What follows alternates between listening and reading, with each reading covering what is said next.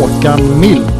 Det är ju bara att instämma med vad Håkan säger. Eh, sen jag blev förvånad att vi kör eh, två centralt. Att vi inte kör eh, 4-3-3 uppställningen och kör tre centralt när vi spelar borta på konstgräs. Matanovic, Antonio. Stort tack, bra, kul att vara här. Och det ser vi nu att det börjar faktiskt spenderas. Vad kan man ta med sig då? Jag tar med mig att Sebastian Eriksson spelade 35 minuter allsvensk fotboll. Då säger jag hej och välkomna till Kamratpodden avsnitt 8. Och idag har vi med oss eh, Marcus Moder och efter 17 år som frilansare för bland annat GP, TT, Svenska Dagbladet och diverse fotbollsmagasin handplockades han av Max Markusson till jobbet som kommunikationsansvarig för IFK Göteborg. Med sitt träffsäkra språk och hårda jobb har han lyft Blåvitts kommunikation till nya höjder. Vi säger hej och välkommen till Marcus Moder. Tack så jättemycket. Det var väldigt fina ord får jag säga. Är du en språkpolis? Oj, är jag en språkpolis? Eh, jag gillar när det är rätt. Det gör jag. Eh, sen går jag väl inte runt och påtalar för allt och alla när de skulle råka skriva eller säga fel. Men det är väl trevligt om det är mer rätt än fel. Ja, ja. Jag glömde ju naturligtvis Blåvitt-podden också. Ja, just det. Den gjorde du med den äran. Ja, det var roligt att göra podd. Eh, Det vet ju ni själva som spelar in också. Ja, Det var fantastiskt roligt att göra intervjuer, inte minst här på Kamratgården. Jag tänkte på det i, ehm, tror det var igår jag tänkte på det. Körde du många poddintervjuer i direkt anslutning till match och så också?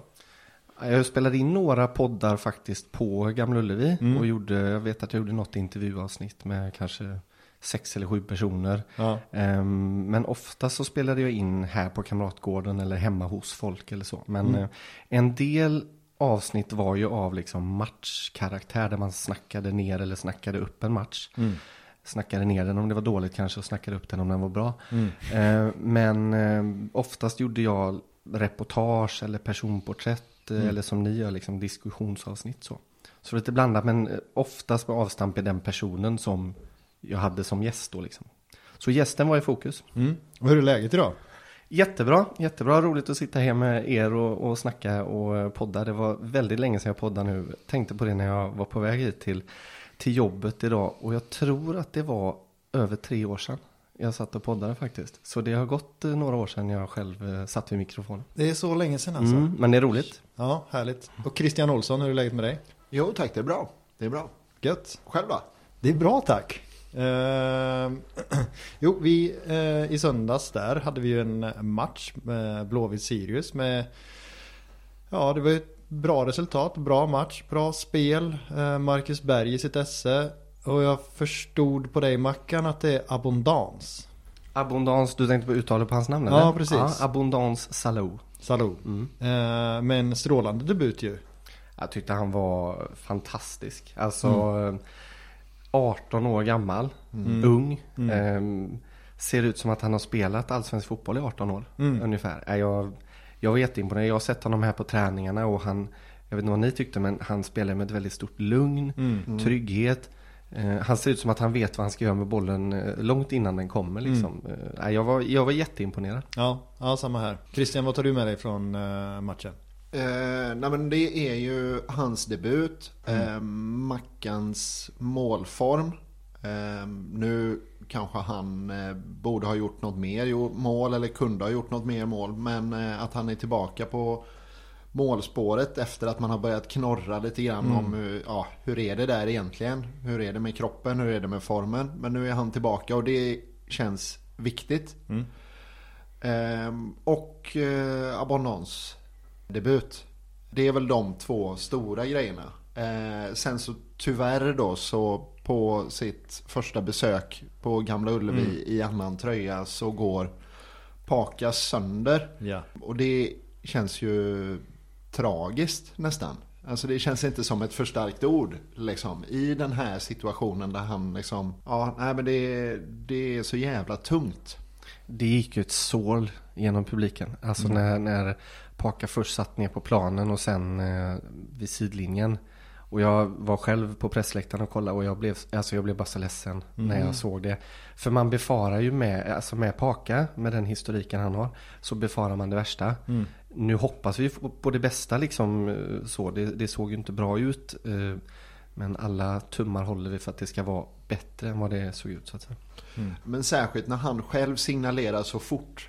Liksom, att eh, så fort han sätter sig upp så signalerar han till bänken. Och då tänker jag liksom han vet exakt hur det känns, de här allvarliga grejerna. Och samtidigt så vill han nog inte ropa för tidigt. Ja, nej, nej, vi hoppas ju såklart på det bästa men det såg ju illa ut. Så får man väl ändå eh, ja, men lyfta på hatten för publiken även om det var väntat att han skulle få någon slags hyllning och sådär. Men det var ändå fint att se att han fick ja, men alla de applåderna, till och med stående ovationer när han gick av ju. Alltså när han kom vid hörnflaggan där och Ja. gick längs med långsidan tänker du på. Ja, Det, var, det var ju verkligen som en våg Mm. som gick över läktaren när han kom och en lång eh, applåd för Mm. honom liksom.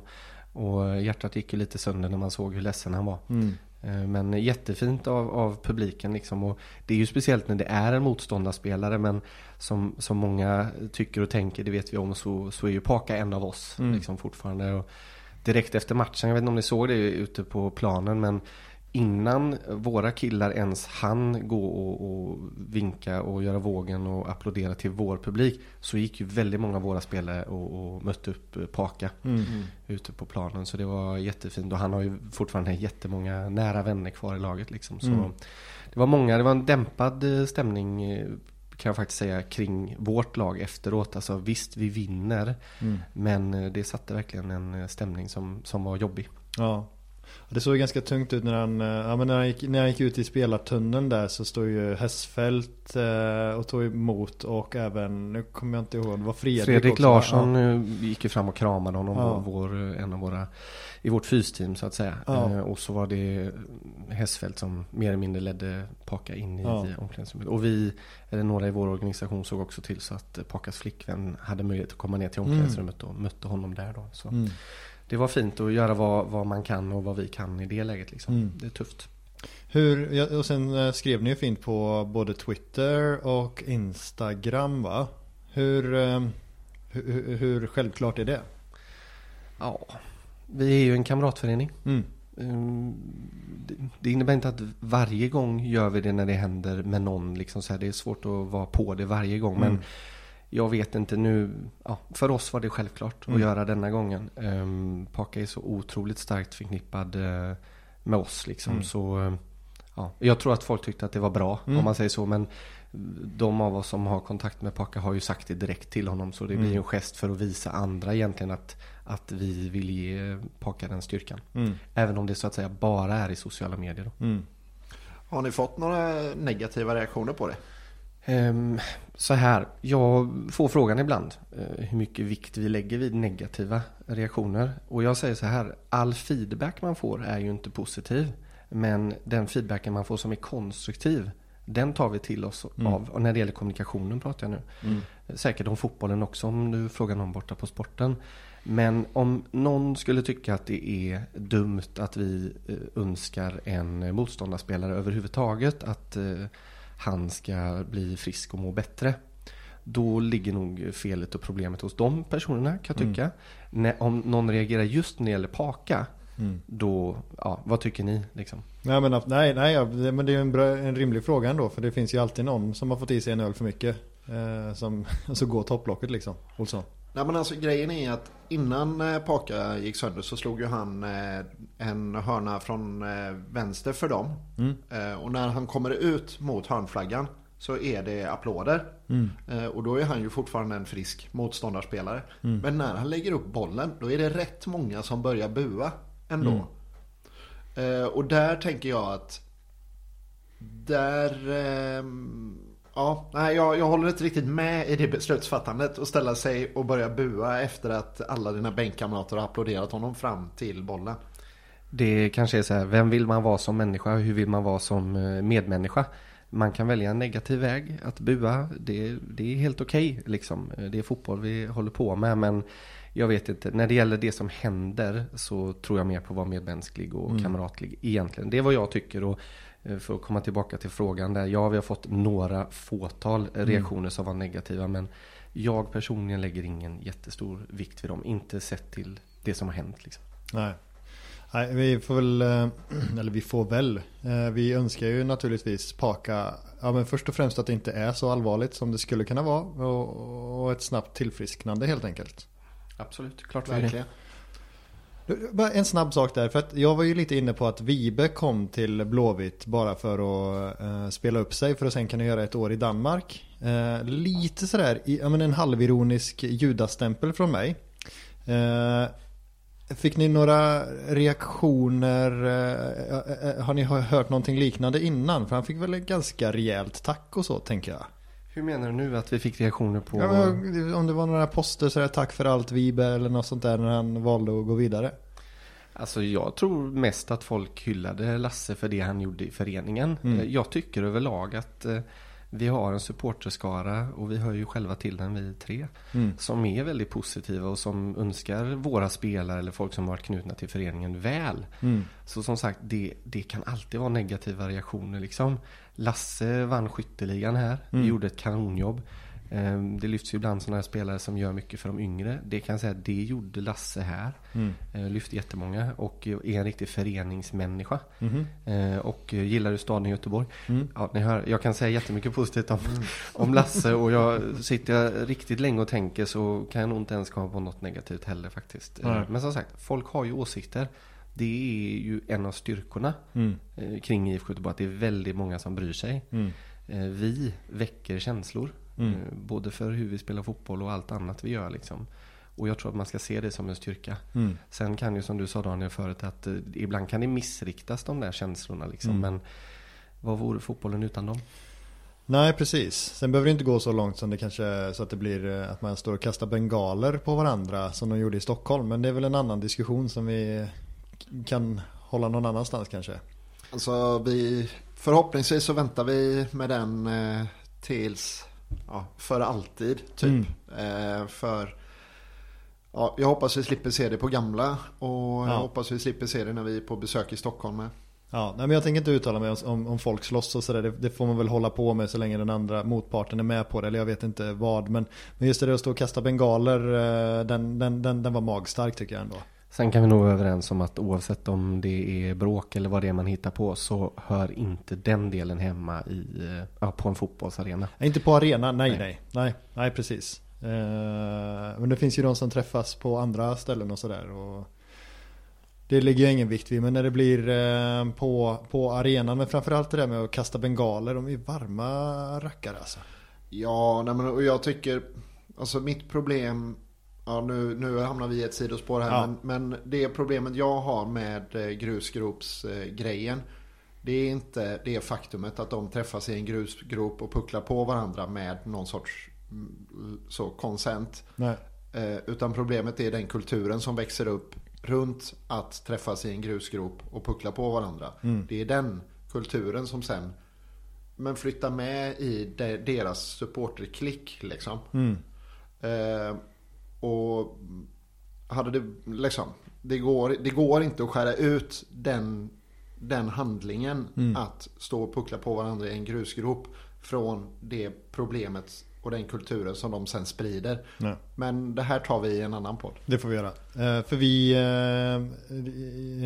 är ju inte bara här för att prata fotboll. Vi är faktiskt här ganska mycket för att prata om kommunikation, journalistik och, och sådär. Låter rimligt. Ja. Erfarna journalister i eh, kommunikationsavdelningar på fotbollsföreningar känns ju som en trend. Det finns ju, ja men du naturligtvis, sen finns ju Malin i BK Häcken och sen finns ju Mattias Larsson i Malmö FF. Kommer du på något mer Christian? Jag har, det är de tre som jag tänker på, men jag tror att det finns på fler ställen. Ja, det är nog mer regel än undantag. I Göteborg så har vi Malin eh, Fahlén då, som du nämner, kommunikationschef hos BK Häcken. Vi har även i hockeyn Peter Kymmer som var på GP, en gammal kollega. Och chef till mig på Göteborgs-Posten. Eh, som är hos eh, Frölunda Hockey då. Eh, för detta Indianerna. Det. Eh, och sen egentligen ute i landet så är nästan alla med journalistbakgrund på ett eller annat sätt. eh, Av de som är kommunikationsansvariga eller ansvariga för media eller press eller sådär. Så det, det, det är nog både en trend och något som har varit under en period kan jag säga. Mm. Sen nu nämnde Mattias Larsson där då, som gick från Kvällsposten och Expressen till eh, Malmö som jag tror titeln är rätt kommunikationsstrateg. Mm.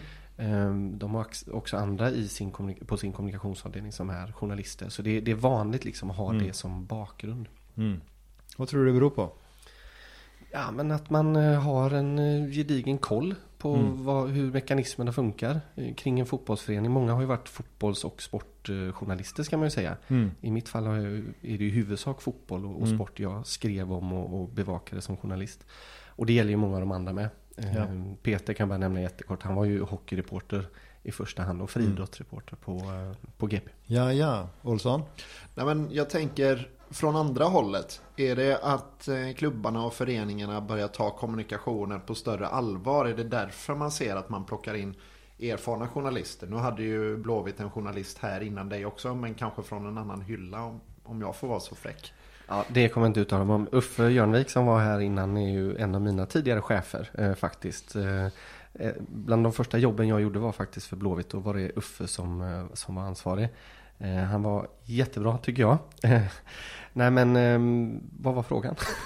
Jo, nej men eh, det här att i alla fall vi upplever det som en trend. Det här att de kommer. Om det handlar om att klubbarna mer tar kommunikationen på allvar och vill locka till sig mer erfarna journalister. Eller om det är, är någonting hos de frilansande journalisterna som hellre vill ha en månadslön. Ja, jag förstår vad du menar. Nej, men det man gör, som i Blåvitts fall, är ju att man har gjort en satsning. Nu har jag varit här i tre år snart. Eh, och, och resurserna har kommit och gått lite grann i, i takt med pandemin ska sägas. Och nu har vi rustat upp en hel del. Det som man ser i klubbarna är ju en satsning på kommunikation. För att man förstår att det är viktigt. Ehm, klubbarna är ganska lika i toppenskiktet. Inte otippat så har Malmö störst kommunikationsavdelning. Sen är det inte alltid lätt att, att jämföra. Häcken exempelvis har, har några fler än vad vi har. Men de jobbar också med Gotia Cup då. Just det. Ehm, Så, så det man ser är ju en satsning för man vet att direktkommunikationen och kontakter med supportrarna är, är jätteviktig. Mm. Ehm, Så det är väl det som egentligen är svar på frågan. Men eh, påverkar det relationen till journalister som eh, inte jobbar på, eh, för föreningar? Hur menar du då? Ja, men jag tänker påverkar det relationen med, eh, jag vet inte vad, vad de heter, Robert Laul, Linus Pettersson och, och sådär. Alltså vanliga journalister så att säga. Alltså i mitt fall, jag har ju jobbat sida vid sida med många av dem, eh, Mm. med dem. Eh, jättemånga av dem som bevakar Blåvitt idag är ju i vissa fall tidigare kollegor till mig. Mm. Eh, eller sådana som har varit på andra redaktioner samtidigt. Mm. Jag tror att det är en fördel att man har det. Alltså jag kommer ju med många kontakter som gör att Blåvitt får vissa fördelar. Nu menar jag inte att man kan påverka dem jättemycket men man har en god personlig relation Mm. med dem. Det tror jag är värt ganska mycket. Ehm, Men, och för, för eh, å andra sidan dem då, eh, att de har en kontakt in som de känner. Mm. Det tror jag är en fördel. Att jag vet att det uppskattas att jag vet hur det journalistiska arbetet går till. Just det. Ehm, För mm, det finns, ja, ibland kan det vara kollegor eller kan vara någon annan som undrar varför skriver de på det sättet eller Mm. varför rapporterar de på det sättet. Att, dels för att det är deras jobb Mm. eh, och sen så får jag ibland förklara mekanismerna och processerna som ligger bakom. Mm. Här finns en jättestor grundförståelse och kunskap om det hos Blåvitt men ibland kommer frågorna liksom. Mm. Eh, Och det är delvis därför jag jobbar här för att vara ett mediestöd. Liksom. Mm. Så eh, ja, det är väl en del av det. Men, jag tänk, men också med, med tanke på hur mycket eget ni ändå producerar och sådär. Och jag menar det blir ju kanske lite mindre kaka att, att slåss om för journalisterna. De konkurrerar ju mer på ett annat sätt nu. Du menar att vi själva gör produkter som, Mm. ja, alltså det vi har valt att göra är ju saker som vi anser att ingen annan kan göra. Mm. Vi tar som Blåvitt Play, Mm. exempelvis vår bakom kulisserna kanal. Som jag hoppas att alla har. Mm. Eh, nej men, eh, Jo, ja, hoppas ni gillar den också. Nej men så här, där var det viktigt för oss att göra saker som ingen annan hade gjort. Nu menar Mm. jag inte att det är, är världens bästa material, det är inte det jag säger. Men jag menar i formen. Mm. Det finns ingen annan som vi kommer släppa in i vårt omklädningsrum efter Sirius eh, när, när laget firar. Liksom. Det ska våra supportrar få. De ska få det genom vår kanal. Mm. Så ofiltrerat som möjligt. Å andra sidan finns det saker som journalister kan göra som inte vi kan göra. Mm. Deras uppdrag är att granska och bevaka IFK Mm. Göteborg. Eh, det är inte IFK Göteborgs uppdrag. Det är medlemmarnas uppdrag såklart att granska oss och se att vi, vi sköter oss och gör ett bra jobb. Mm. Men eh, det är nog viktigt att skilja på de två olika sakerna. För det vi gör i våra kanaler, det är ju inte journalistik. Nej.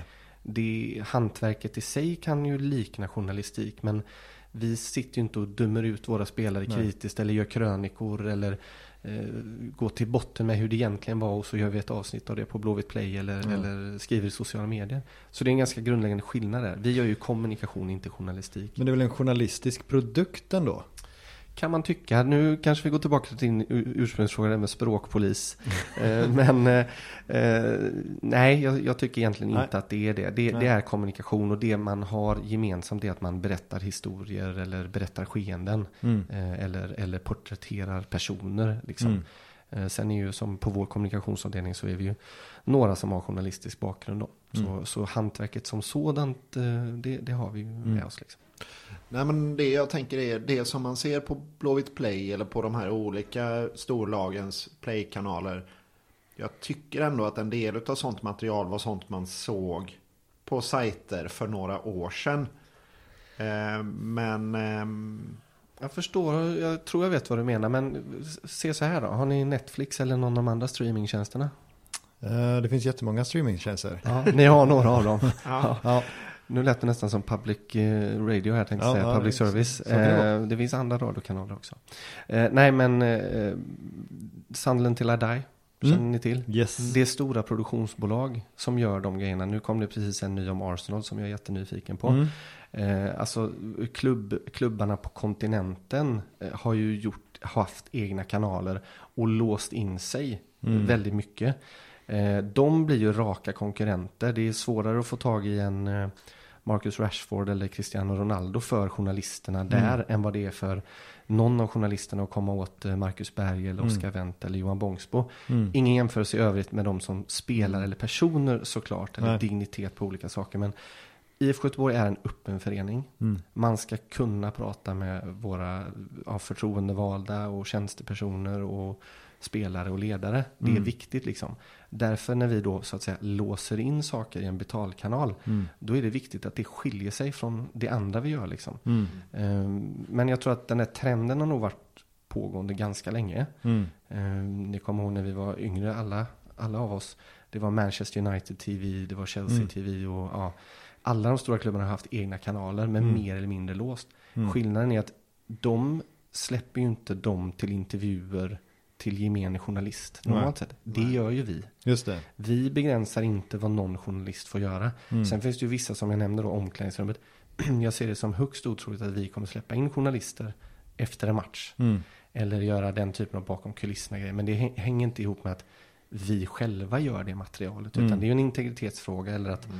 Eh, de personerna i vårt lag eller så är mer trygga med att vi gör det. Liksom. Mm. Men då tänker jag eh, två saker. Dels så tänker jag ju så här, men då är Sebastian Eriksson kanske ett ganska dåligt exempel eftersom att han verkar vara väldigt öppenhjärtig och sådär. Men jag, nu vet jag inte om det var vem, vem det var som gjorde det. Jag vet att du har gjort jättebra grejer på Blåvitt Play och Gabriel har gjort bra grejer och sådär. Men om man tänker på just den som var med Sebban där, den var ju helt magisk. Eh, oavsett vem som gjorde den. Eh, och den kanske man inte hade fått med riktigt samma kvalitet på jag vet inte, GP eller GT eller, eller sådär. Alltså, är det viktigt för er att det verkligen är kvaliteten ni släpper? När ni gör de här lite, lite mer, ja men inte de här korta intervjuerna utan de här, eh, vad ska man säga, jag vet inte, dokumenten. Alltså, vi vill såklart göra så bra grejer som möjligt hela tiden. Jättekul att du gillar det med Sebban. Det var, du tänker på den när han precis var på väg tillbaka va? Mm. Och sen tror jag att han spelade match bara några dagar senare. Mm. Ja. Nej men alltså det är klart att vi vill göra hög kvalitet. Men om vi vänder på det så är det ju en produkt vi säljer, just Blåvitt Play. Nu fastnar vi mycket vid Blåvitt Play här. Men, Mm. men då behöver det ju vara bra, det vi gör. Välproducerat de gånger vi gör saker som är mer producerade. Mm. Andra gånger gör vi ganska ofiltrerade saker. Liksom. Och det kommer komma ännu mer roliga grejer där. Mm. Men, men framförallt är det väl det att eh, folk betalar för det. Och då behöver det vara snäppet bättre. Mm. Sen eh, så här, ja det är väl ett exempel. Sebban öppnar ju upp sig, det var för Gabriel som gjorde den då. Mm. eh, min kollega. Ehm, och han öppnar väl upp sig extra till Gabriel för att han har en relation med Mm. honom. Men samma, det finns ju spelare som har jättebra relationer med journalister. Mm. Och det finns journalister som då kan få till något, eh, ja, utan att jämföra med just Sebban-intervju, men Mm. riktigt, riktigt bra grejer. Mm. Men det är inte så att vi liksom mäter oss att nu ska vi göra en bättre grej än GP eller nu ska Mm. vi konkurrera med det och det mediehuset. Utan vi gör ju den för våra supportrar. Liksom. Eh, Det är det viktigaste, att de ska gilla det. Just det. Mäter ni mot andra klubbars eh, playtjänster och deras produkter någonting? För nu är det ju några olika storklubbar som kör, eller jag höll på att säga att de kör på samma sätt, men det kanske de inte gör. Ehm, Om vi jämför och benchmarkar, ja det gör vi. vi innan vi startade Blåvitt Play på riktigt som, som den betalkanal det är idag. Ehm, Så gjorde vi en jättebenchmarking. Mm. Liksom för att se vad görs på kontinenten, vad görs i Sverige. Och utan att riktigt gradera oss gentemot våra konkurrenter i Allsvenskan. Så kan jag säga att vi gör olika grejer. Ehm, Flera av de andra klubbarna gör jättebra bakom kulisserna material. Sen finns det saker som jag jättegärna hade sett att vi gjorde som några kon- konkurrenter gör. Och saker som jag tycker att några av dem inte gör lika bra som vi gör det. Jag tycker själv, och jag skulle kanske inte sitta och säga något annat heller, men jag tycker själv att Blåvitt Play är jättebra. Mm. Kommer bli ännu bättre, eh, kan jag lova. Eh, inte minst 2023. Och så ska ni ställa smarta följdfrågor där och fråga vad ska hända då? Det Jag får vill, ni inte, se då. jag vill inte avbryta dig bara, det var det. Nej, men det, det kommer hända roliga grejer där. Men, Ja. men eh, det finns flera allsvenska klubbar som gör jättebra grejer. Vissa gör ju dem uppe på YouTube. Mm, eh, vissa gör dem som, som låst material. Då. Mm. Och sen finns det olika betalmodeller för UD. Det finns en eh, konkurrent som tar betalt styckevis för Mm. olika avsnitt. Och man kan också ha löpande abonnemang. Så det, det finns lite olika sätt. Mm. Vi har testat oss fram och testar oss hela tiden fram för hur vi vill göra. Mm. Jag gillar att ni lägger upp presskonferenserna. Mm. Ja, vad kul. Ja, vi, vi, det är en grej vi testar lite grann nu. Det, det, m- många kan säga så här, ja, alla vill ha presskonferenserna. Så här, ja, vi testar det nu Mm. och ser hur många som verkligen vill ha det. Ehm, det enda man behöver nu då, det är ju en inloggning. Man Mm. behöver inte ett abonnemang för att se dem. Mm. Så om man, eh, just det låsta materialet då, det är för att vi, vi vill ju att folk ska in på Blåvitt Play liksom. Mm. Mm. Så ett bra sätt. eh, Så den är, den, det är öppet för alla att se. Mhm. Och det är planen att filma alla presskonferenser på hemmaplan. Mm. Eh, sen är det olika då, för ni kanske undrar varför vi inte filmar på bortaplan. Eh, delvis är det en resursfråga, Mm. eh, men i vissa fall så filmar även hemmalaget. Och kanske, kanske kan vi få se lite ja, filmat från konkurrenterna då när vi är på bortaplan. I vår kanal. Just det. Men det vi kan lova säsongen ut i alla fall presskonferenserna på hemmaplan. Kommunikation i eh, transfertider. Det svett, har det varit svettiga månader, eller månad blir det väl egentligen på sommaren? Ja, jag hade semester egentligen. Eh, men just mycket av det, det Egentligen. Ja, precis. I teorin hade jag det. Ja, men då får man hoppa in och det är jäkligt roligt när det händer de grejerna. Men ja, den här sommaren har varit rätt mycket faktiskt. Speciellt de övergångarna som blev av. Ja. Ja, jag tänkte precis fråga det. Hur många, hur många ligger i, i den eh, andra dokumentmappen? Ja, du tänker papperskorgen kanske? Nej, men det är klart att det händer. eh, Kanske inte uttala mig om just det här transferfönstret då, men eh, det är klart att man har förberett texter för Mm. både spelare som ska lämna och som inte gör det. Mm. Och spelare som ska tillkomma som inte kommer hit så att Mm. säga. Så det händer absolut. Um, oftast ligger vi några dagar före och det händer ofta väldigt mycket på slutet. Uh. I förhandlingar och sådär. Men hur, um, om man tänker, när, hur nära klart är det när du börjar eh, skriva texten? Det kan vara jätteofärdigt. Mm. Um, alltså det vi gör, om man går till slutprodukten egentligen, det är ju filmat och det är foto och det är skrivna texter och det är Mm. sociala medieinlägg. Det blir ju någon form av slutprodukt. Mm. Um, jag vill ju gärna ha så god framförhållning som möjligt. Mm. Det hänger ju ihop med vilka spelare som är tillgängliga och hur långt framme sporten är liksom i sin planering. Mm. Um, men ibland kommer det en spelare på en fredag kväll och Mm. så ska saken ut på lördag morgon. Så det är, ibland får jag det några dagar innan, eller oftast ska jag säga, och ibland får jag det väldigt nära inpå. Men oftare att det, det är några dagars varsel så att säga. Hur, ligger, hur, hur eh, blir eh, ton, alltså, tonträffen eller vad man ska säga eh, jämför, om man jämför spelare in och spelare som man säljer? Alltså är det, jag tänker om, om, om föreningen gör en jättebra affär så är det fortfarande en glad text tänker jag. Eh, kontra när man tar in en, en profilerad spelare som Suleiman till exempel. Alltså, hur, hur tänk, tänker ni mycket på hur det ska framstå och så? Absolut, eh, det är jättemycket man ska ta med. Det är en ung eh, spelare med knappt några meri- meriter alls. Är det någon vi lyfter från vår egen ak- akademi? Eh, tar vi in en stjärna från utlandet? Är det en hemvändare? Alltså allt det spelar in för hur man ska Både ska man filma det överhuvudtaget? Ska man ha en, en presentationsvideo? Eh, eller ska man bara skriva en kort text liksom? Så det är skillnad även mellan nyförvärven av olika slag. Eh, och sen när det gäller då vilken spelare som lämnar och under vilka omständigheter den spelaren lämnar. Det spelar spelar och spelar. Det spelar väldigt stor roll liksom. Ja, Viktor Wernersson kontra Jallow till exempel. Två ytterbackar. Ja. Eh, ja nej, men det, det är olika. Det är klart att det spelar roll liksom. Och Ja. sen är det en försäljning eller är det Bosman Mm. eller ja, har spelaren gjort det jättebra eller alltså det, allt Mm. det spelar verkligen, ja det spelar roll. Vad ska vi ha för dignitet på spelare för att få presskonferens igen? Det Bra. var länge sedan vi hade. Ja, eh, jag kan inte minnas att vi har haft presskonferens när jag har varit. Jo, vi hade ju med Marek såklart. Då hade vi en liten Mm, presskonferens. Men även den var ju väldigt speciell då, eftersom det var under corona. Nej men eh, medielandskapet har ju förändrats en hel del. Eh, jag kommer ihåg jag som journalist var jag här många gånger på presskonferenser. Mm. Och när man har presskonferens så är det precis som du säger Christian. Man säger att det här är stort. Liksom. Eh, och det kan komma tio olika mediehus hit när IFK Göteborg kallar till presskonferens. Mm. Eh, Men som medielandskapet ser ut nu så ja, medierna jobbar inte riktigt på det sättet längre. Inte kring idrottsklubbarna. Det är inte så jättemånga som är sugna på att springa hit till Kamratgården och göra en presskonferens. Så jag vet inte om det svarar på din fråga riktigt men eh, Menar du att alla är rädda för att det ska vara ett Mastercard igen?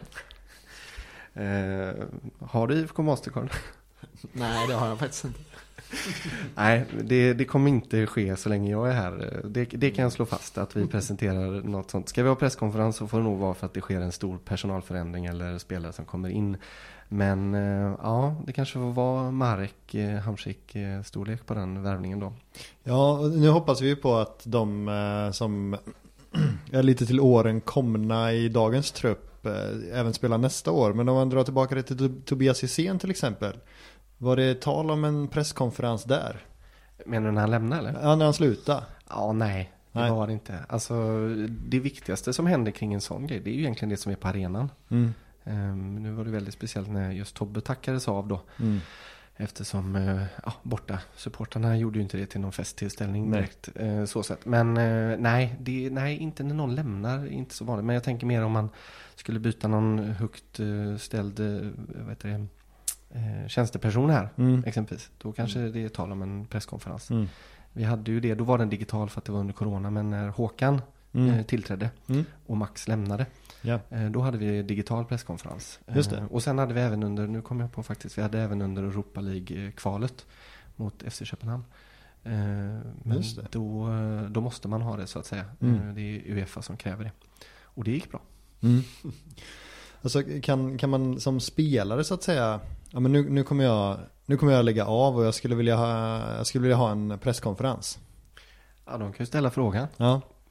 Nej, jag tror inte någon ställer den frågan Nej. faktiskt om jag ska vara helt ärlig. Men oftast eh, det de frågar om spelarna, eh, om de ens gör det, det är om det blir någon avtackning. Just det. Så det, än en gång, det är nog viktigare det där som händer på arenan liksom. Att få säga, prata till supportrarna. Mm. Eh, snarare än att prata till journalisterna. Mm. Det är inget spelarna går runt och tänker på. Åh, ska GP intervjua mig nu när jag får sluta liksom.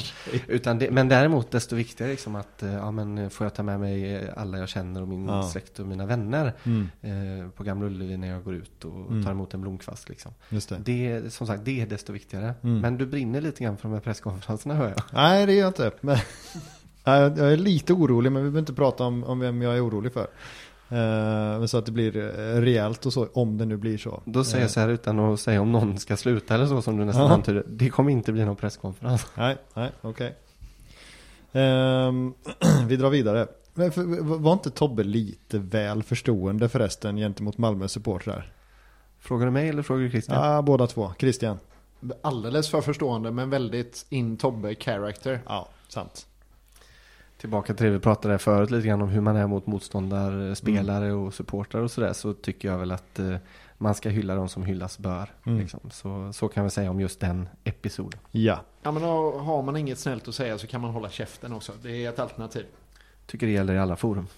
Ja. Ja, och, och om man inte... Ja, nej, det är en helt annan grej. Så vi släpper det. Uh, nu eh, du ska jag ställa dig mot väggen lite. Uh, vi hade ju en ja, förhållandevis allvarlig uh, kommunikationsfas nyligen. Någonting som kallades för ett personalärende till exempel. Kommunikationen kring Tobias Sana. Hur, eh, hur gick det till? Ja du, det var en stor fråga. Ja. Eh, nej men, ja, det var ju ett personalärende. Mm. Eh, och precis som alla andra personalärenden, det kommer ju inte jag uttala mig om specifikt om Nej. Tobias såklart, med hänsyn till honom och, och till IF Göteborg såklart. Men, Men- eh, jag kan prata om hur det är överlag. Mm. Alltså tänker typ kriskommunikation om vi Ja, men det, ja, för det blir väl någon slags kriskommunikation ändå. Så absolut, ja, men om, en- ja, om, vi, om vi, bara, om vi bortser från Tobias Sana och tänker att nu har det hänt någonting eh, Kolbeinn Sigthorsson eller vad det nu kan tänkas. Det finns många människor som... Nej, men strunt, strunt i personer och hur ni, hur ni går tillväga då. Det är väl intressant. Ja, men precis. Nej, men någon typ av riskanalys gör man alltid. Och vad är det då? Jo, men vi, vi utgår ifrån vad vi vet. Mm. Vad är det som har hänt eller vad tror vi har hänt? Eh, Och sen blickar man lite framåt. Vad är troligt ska hända nu utifrån de omständigheterna vi känner till? Vad skulle kunna hända nu? Och mitt jobb är att gå in och, och göra den kommunikativa riskanalysen, det ska jag säga. Så mm, vi utgår ifrån vi vet och, och så ser vi vilka alternativ som kan vara spelbara liksom. Har det Mm. hänt någonting? Vad är troligt ska hända? Mm. Vad händer om vi gör så här? Vad händer om vi gör så där? Och Mm. hur uppfattas det? Men viktigast av allt, vi utgår ifrån det som har hänt och som vi, vi vet då. Mm. Ehm, sen kan det alltid hända saker på vägen, men ofta så kan vi nog spekulera oss fram hyfsat till vad som ska hända liksom. Mm. Eh, Jag vet inte om det svarar fullt ut på din fråga, men, men sammanfattningsvis är det väl så med kriskommunikation, att man får utgå ifrån det som faktiskt har hänt Mm. och det som kan tänkas hända. Ja, Christian?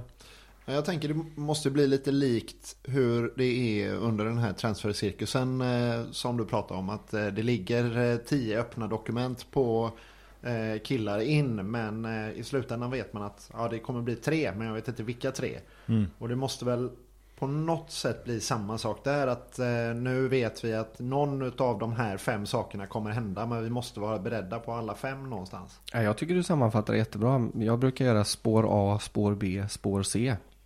Ibland ännu fler. En Och så- Palmekommission där. Ja, men lite så. Ja. Nej, men, och, och, alltså, man vet ungefär vad som kan hända. Sen är det speciellt då när det är personalärenden exempelvis som du nämner Daniel där. Men att eh, saker kan hända för det är människor vi jobbar med. Mm. Och väldigt oförutsedda saker kan hända på Mm. vägen. Liksom. När det gäller en transfer eller liknande så är det ju hyfsat rakt spår. Men jag hade en spelare som inte spelar i IFK Göteborg längre. Som var på väg till ja, fyra olika klubbar under ett halvår. Mhm. Och till slut de två sista texterna då bytte jag bara ut eh, liganamn, eh, klubb och eh, land eh, mer eller mindre. Mm. Eh, Det är ju det är ju en mycket enklare sak att göra och där behövs ingen större riskanalys. Men det är klart att ibland gör vi riskanalyser även på de sakerna. Mm. För vi vet att ja, men nu släpper vi den här spelaren. Det kommer bli reaktioner på det. Vad, vad kan tänkas vara bra svar på det och, och så. Och sen är ju regeln då att säg som det är, inte som det inte är. Utan Mm. var ärlig då så långt, så, så långt man kan liksom. Mm.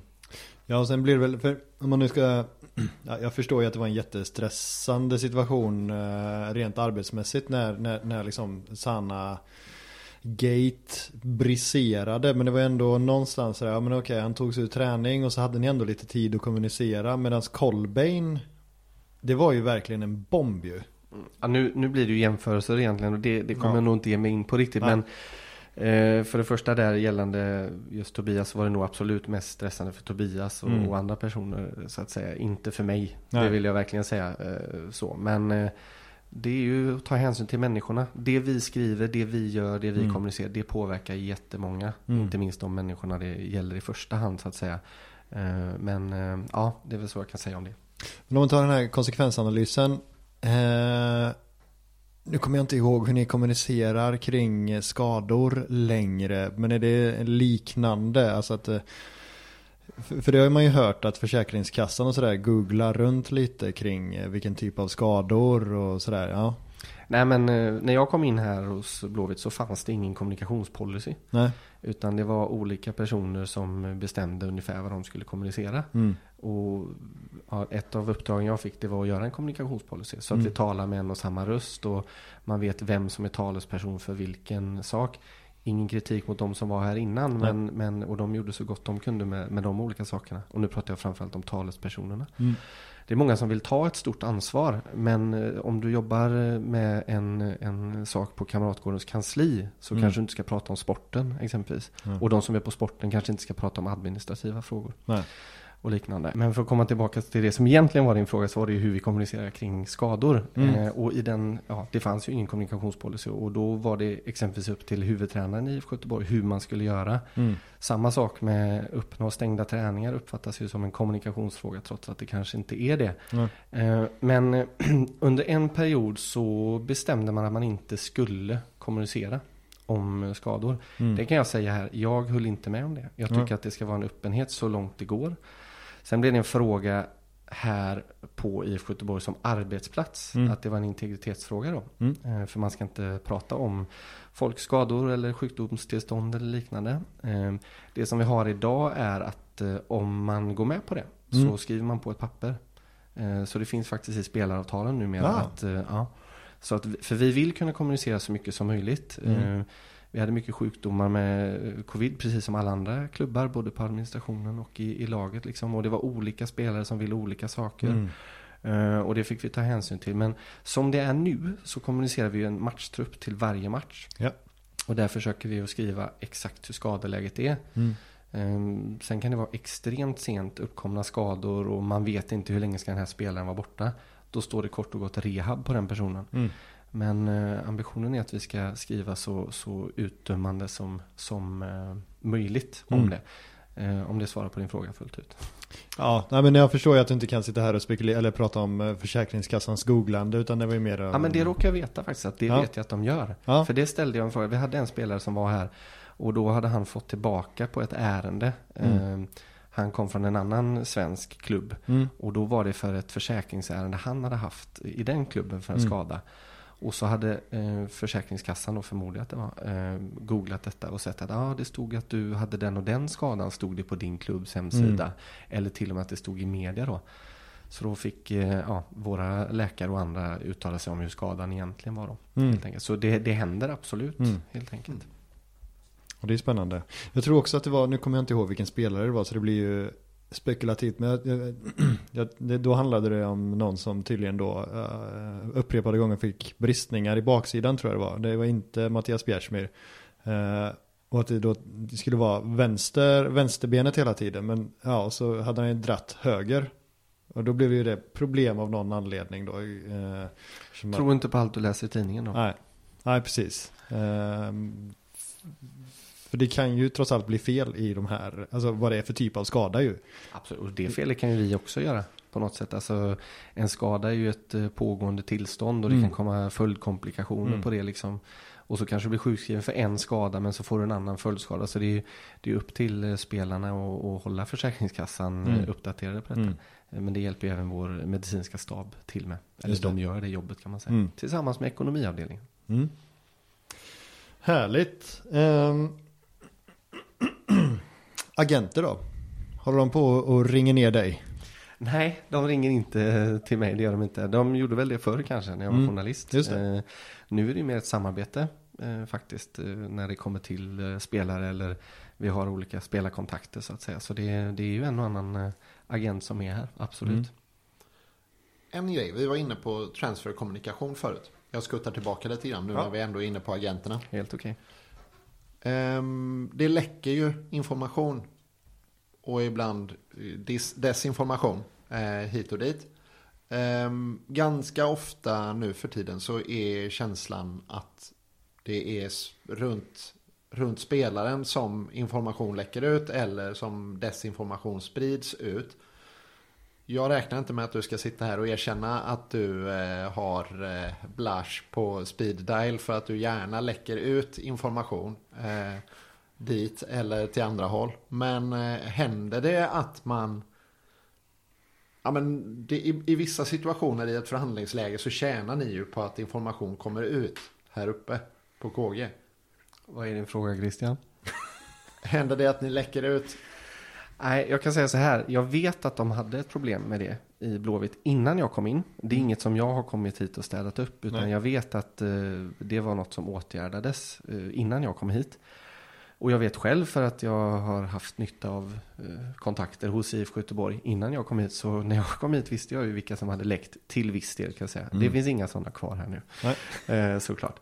Eh, nej men så här, det, det, det är ju inte kommunikationsansvarigs jobb att eh, läcka till media. Så långt kan jag säga i alla fall. Det vore ju helt eh, förjävligt om det var så.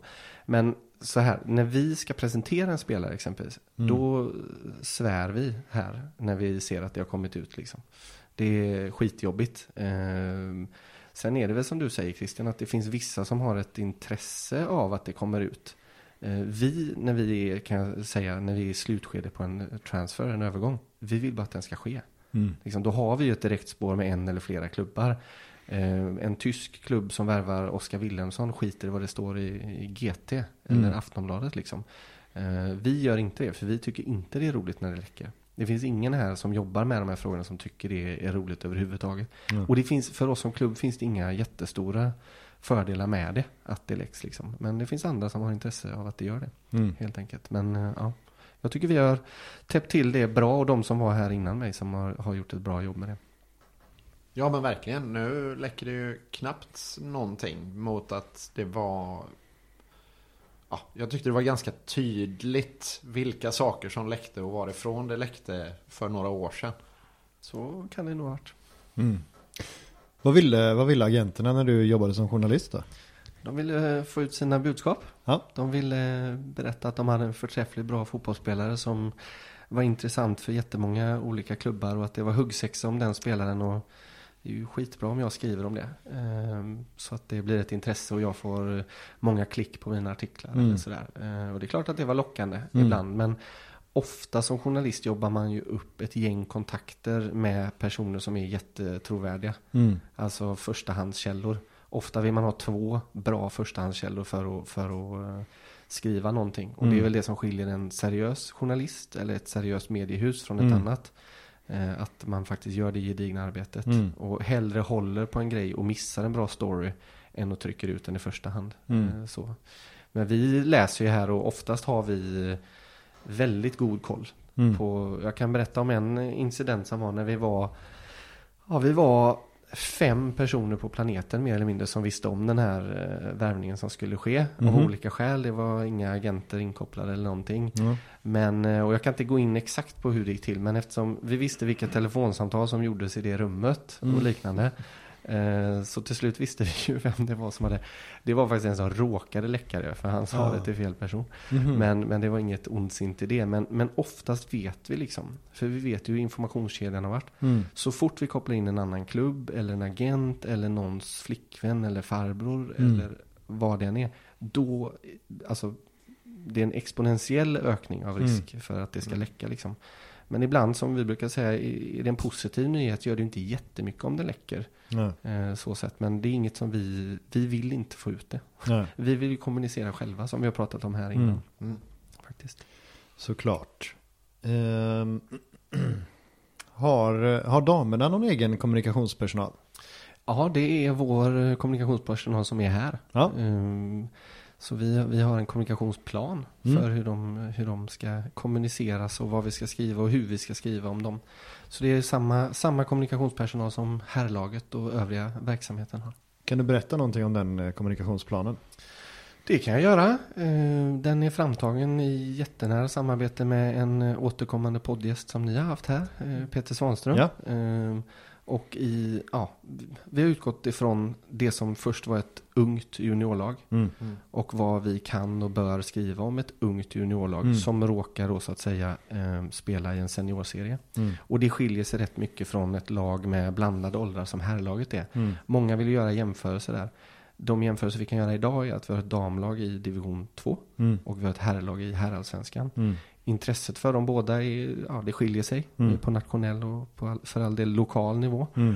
Eh, Men i korthet eh, utgår den ifrån att rapportera hur det går med damlaget. Mm. Eh, Och vi försöker inte göra alldeles för stor skillnad mellan herr och damlaget i vad och hur vi skriver och vad vi gör. Men det bygger rätt mycket på hur stort det faktiska intresset är. Mm. Eh, faktiskt.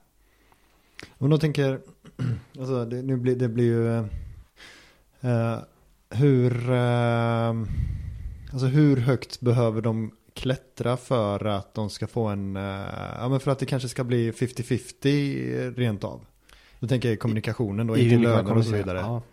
Ja, det blir ju väldigt spekulativt. Ja, såklart. Nej men eh, det finns ju klubbar idag i Sverige som har både ett herr och ett damlag. Mm. Eh, och som övertar AIK som exempel. Mm. Som, är, som är i högsta serien menar jag nu. Ja, just det. Uh, Djurgården också. Och de på Hisingen också. Ja, precis. Eh, nej men eh, där tycker jag man kan se hur de gör. Mm. Jag tycker alla de faktiskt, jag måste jag tänka till. Jo men jag tycker alla de gör, gör det på ett bra sätt. Mm. Liksom. Eh, ser man internationellt sett så är det många som har separata kanaler för sitt herr och sitt damlag. Olika sociala mediekonton och så likna- liknande. Det tror jag väl ingen av dem har. Utan jag tror att alla de klubbar jag precis nämnde har eh, liksom gemensamt för herr och dam. Ja. Och det kan jag säga att eh, där ser jag ingen skillnad i, i hur man ska göra det. Nej. Men 50-50, alltså ja, jag kan inte riktigt säga att det kommer bli så. Eh, man får någonstans utgå ifrån hur stort intresset faktiskt är. Mm. Eh, sen tycker jag att resurser och, och så, så långt det går ska, ska läggas på det som är mest intressant och, och som Mm. drar mest intresse till sig. Eh, vi har damlaget säljer ungefär 200 biljetter idag, vilket Mm. är bra med division 2-mått mätt och ungefär 300 årskort har de. Och herrlaget har, ja, vi har nästan 15 000 i snitt eh, Mm. och ett stort intresse så att säga. Så det är ju skillnader i hur stort intresset faktiskt är. Mm. Men med det sagt så är det viktigt att jobbet, exempelvis kommunikationsavdelningen gör, vi ska lägga lika mycket kärlek på båda lagen. Mm. Eh, Jag kan ju bara nämna som en detalj att damlagsreferaten är det fler som läser än som läser herrlagsreferaten. Mm. Säkert till stor del för att inte lika många ser damlaget Just och det det. finns ett större intresse för att läsa de texterna. Men det gör ju att det är ännu viktigare att de är jättebra, de referaten. Hur, många, hur många läsare har ni på de här eh, respektive referaten? Det varierar. Ja, Det är några tusen. farligt nära ingen kommentar där. Ja, nej men, nej men det är några tusen. Men Ja. det är, jag vet att på ett herrreferat när vi, när vi hade förlorat en match, då ja, det var ju inte så att jag kunde fylla en arena med Nej. alla de som hade läst det. Det var det inte. Nej. Och på damlaget som spelade samma vecka och vann med, ja, som vanligt, jättemånga mål. Ja. Så var det mer än dubbelt så många som läste. Det Ja. säger i alla fall något. Så lite mer än ett inga kommentarer svar. Ja. ja, marginellt. Eh, nej, men jag, jag eh, förstår. Ehm, jag tänker ehm, det här med, ja, med, med tanke på din journalistbakgrund och så vidare. Vilken, vilken typ av hjälp ger du till spelare inför kanske, ja men dels här om man tänker en, en det blir väl en, en tudelad fråga. Alltså dels om man tänker att de kanske ska vara med i en offside-grej som är lång och det är mycket tid och där är väl målet kanske att försöka få dem att, att snacka lite bredvid mun och sådär och, och kontra alltså för ja, men mixed zone och alltså vilken typ av eh, hjälp ger ni spelarna i det här? Mm. Ja, jättebra fråga. Nej men eh, det är ju beroende på person. Mm. Såklart. Eh, Det är inte jättemycket jag kan lära Marcus Berg om Just vad det. som händer i mixad zon. Det, han har gjort en och annan intervju där så att säga. Eh, Det kommer det- vara mikrofoner. Och, Ja, precis. Ja. De kommer ställa jättemånga frågor. Nej, men det, det vet ju han liksom. Så till, vi tar honom som ett extremexempel åt Ja. ett håll liksom. Det kan ju mer vara så här att till en, en så van intervjuperson så kan man mer prata om budskap. Så Mm. här, ja, men du som kapten, kan detta vara något du vill få fram? Med det sagt, det är något som jag väldigt sällan gör Mm. eh, med Marcus Berg just. Han, Mm. Han vet vad han vill, han vet vad föreningen står för och Mm. jag tycker han är en kanonbra representant och ambassadör för oss. Mm. Han behöver ju inte mycket stöttning i, i de lägena. Medan en ung kille som aldrig har varit i en mixad zon. Mm. Där behöver jag faktiskt förklara det som du sa Daniel. Det Ja, kommer det. vara mikrofoner eh, och så vidare. Nej men, eh, och, alltså ett större reportage. Mm. Då kanske jag får förklara vad det är för, om det var offside då. Mm. Då kanske jag får förklara vad det är för tidning, hur de brukar vara. När det är korta intervjuer med lokaltidningarna. Än en gång mest till de unga spelarna. Mm. Då kanske jag ska förklara vem journalisten är. Mm. Hur den journalisten brukar, eh, brukar eh, skriva och så. Ehm, kommer spelare och ledare till dig och frågar eh, Fan Mackan, jag, ehm, jag skulle vilja att vi får fram det här nu. Men jag, jag vet inte hur jag ska uttrycka mig för att, att verkligen få fram den här punkten. Jag förstår vad du menar. Alltså spelarna kommer med olika eh, önskemål, idéer, tankar, frågor. Eh, någon vill ha en eh, blå bock för att de är verifier- ska vara verifierade på Instagram. Just det. Exempelvis. Mm. Någon annan eh, har just de frågorna du säger där Christian. Men eh, inte jättevanligt. Det jag gör mer, och det är än en gång med de yngre, det är liksom hur en intervju går till Mm. och hur man jobbar för att få fram sina budskap. Men det är inte så många som liksom jobbar så med, ah, vad vill klubben få fram och så, utan man är ganska, jag vill inte säga egocentrerad, men man är ganska fokuserad på sig själv. Mm. Eh, Så kan man säga. Men, eh, men det, är, alltså det är frågor i stort sett varje dag från spelare. Och sen, jag menar, vi har ju intervjuförfrågningar från medier 365 dagar om året. Möjligtvis avbrott på julafton och nyårsafton då. Just det. Men jag tänker eh, som Micke Stare till exempel. Han måste ju vara mer intresserad av eh, hur klubben ser ut utåt. Eh, Han är såklart intresserad av hur han själv ser ut utåt också.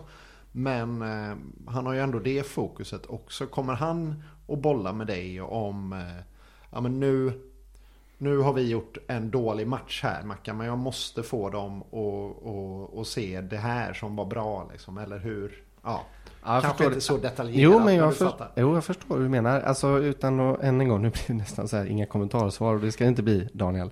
Men eh, alltså Micke och jag bollar saker. Det gör vi absolut. Eh, så. Sen, Micke är ju väldigt bra på att formulera sig och han har oftast en plan för vad han vill få sagt om man säger så. Men ibland kan vi prata om vad händer om han säger så eller vad händer om han säger så liksom. Men eh, ja, Micke är ju jädrigt bra. Så kan jag säga. Han, han har ju också stor vana av journalister. Han känner många av journalisterna. Mm. Han vet hur mekanismerna fungerar och processerna är liksom. Han vet vad som händer oftast om han säger det ena eller det andra liksom. Men, Mm. men vi bollar små detaljer och, och stora detaljer. I, i, speciellt inför vissa typer av intervjuer, större intervjuer och sådär. Eh, Det kan det absolut vara. Tror du att han använder det som ett grepp? För jag har noterat att han, han använder ju ofta förnamn på journalisterna och dylikt. Tror du att han kan göra det för att eh, avväpna dem lite? Eh, Det är möjligt att han gör. Eh, Det är det många som gör. Mm. Det är jättevanligt. Det gör man ju. Ja, det gör ju jag här när jag pratar med er två Mm. exempelvis. Det kanske inte är för att desarmera er. Jag går Men inte man- på den lätta. Nej men man gör det kanske för att det ska bli en liten eh, social brygga på något Ja. sätt. Jag vet att det var en, när jag var journalist var det en person som är välkänd för oss alla, en fotbollstränare som har varit i Göteborg. Och han sa alltid ens namn. Han Mm. frågade det, vad var det du hette nu igen? Mm. Och så sa han alltid ens namn hela tiden då. Mm. Och, ja, jag funderar på det Marcus. Det är nog så här Marcus. Och ibland Mm. kunde det vara fem gånger man nämnde sig en och samma mening. Ja. Det är ju ett retoriskt grepp oftast. Men det är också ganska trevligt Mm. faktiskt. Men jag tror inte att det är riktigt för att desarmera någon. De, de journalisterna som Micke pratar med, och tänk, du tänker nog Discovery och så kanske? Det här ja, och Robert Laul. Ja, okej. Men du tänker just när han syns och hörs alltså. För jag menar, det läser du inte i en, i en tidning. Nej, jag, nej, men jag tänker kanske på, ja men, eh, ja men dels i Discovery men också kanske på, på, på eh, presskonferens och dylikt. Mm. Ja, men det är nog mest för att han har en, eh, ja, en connection med dem. Träffar liksom. ju dem ganska ofta i och för sig. Ja, alltså de som, journalisterna som sitter där är ju ofta sådana som man har väldigt bra koll på. Mm. Men vi, jag fick inte riktigt svar på den frågan hur du, alltså om man då tänker på det här med, ja men nu ska Johan Orenius komma och träffa, jag vet inte, Kanel i en vecka. Eh, vilken, vilken prepp behöver de? Tror du på, alltså rent, om man tänker sig, ja men okej nu har vi tackat ja till det, vad, vad tror du att Kanel kommer behöva liksom? Och sen kanske inte han behöver det, men Nej men alltså det jag gör det är att jag erbjuder mig. Mm. Alltså erbjuder mina tjänster och, och så. Och jag ställer frågan oftast vad tänker du inför intervjun? mm, Är du nervös för något? Eh, eh, har du något du själv vill få fram? mm, Det kan jag ställa som frågor. Och sen så påminner jag om att eh, man ska utgå ifrån en själv. mm, Eh, Man ska inte sitta och spekulera så himla mycket om Mm. någon annan eller så. Är det en ung kille, ännu viktigare att mest prata om sig själv. Liksom. Mm. Man har inte lika mycket erfarenhet av någon annan eller något annat. Så det är väl mest det, liksom påminna om vissa självklarheter. mm, Jag har genomgång med laget eh, en eller flera gånger per säsong. Mm. Alltså inför hela laget där jag går igenom just hur det fungerar här rent praktiskt hos Ja. IFK Göteborg. Vad vi tycker är viktigt, att vi är en öppen förening och så vidare. Och att eh, journalister är en självklarhet för oss. De Mm. kommer inte försvinna. nej, Och sen är det också, jag brukar säga att att få en mikrofon under hakan, det är en möjlighet Mm. att få fram sitt budskap. Så ta den chansen. mm, Eh, en grej som jag tycker att många missar det är att det råkar vara en mikrofon i, emellan, men man pratar till supportrarna. mm, Så ta chansen att prata till supportrarna, speciellt om du är tv eller radio eller Mm. en podd. mm. Har du fått chansen att föra fram ditt budskap här idag tycker du? Jag tycker jag har fått alla chanser. Ja. Har du någonting som du eh, undrar över Christian? Jag har väl tusen grejer jag undrar över egentligen. Eh, Men eh, jag tror ändå att vi börjar nöja oss va? Ja, Mm. det tror jag. Ni får komma tillbaka annars. Ja, det gör vi så gärna så. Då säger vi tack så hemskt mycket Marcus Moder för att du tog dig tid och ställde upp på att vara med i Kamratpodden. Tack för att jag fick vara med. Ha det gött. hörni. Tack. Hej. Nej.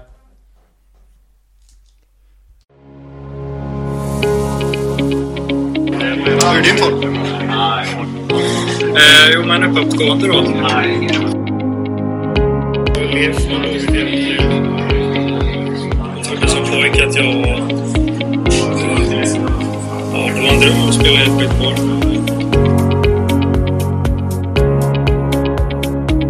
Håkan Mild.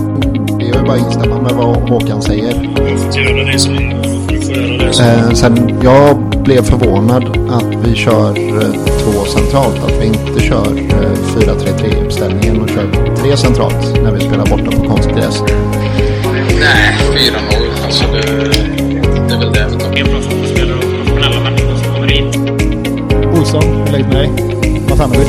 Stort tack, bra, kul att vara här. Vad kan man ta med sig då? Jag tar med mig att Sebastian Eriksson spelade 35 minuter allsvensk fotboll. Faktiskt det. Det är ju inte många år man ska vrida klockan tillbaks när man faktiskt kunde tänka sig att en spelaraffär in till allsvenskan över 10 miljoner, det skulle nästan vara otänkbart. Det är många klubbar som senaste boksluten redovisade rekordsiffror och det ser vi nu att det börjar faktiskt spenderas. Eh, nej men det är ju en sån liga som är lite grann som Championship var förr. Fullt ös, inte riktigt eh, hållt tätt bakåt. Utan eh, ja, raka rör och rätt på. Så det kommer ju passa Oskar. Det är ni som är de konstiga och sådär. Exakt. Ja. ja. Lite positivt var ju att det är rekord i redovisat eget kapital. Det har vi inte haft sedan jag tittade tillbaka 2007. Tack själv Daniel.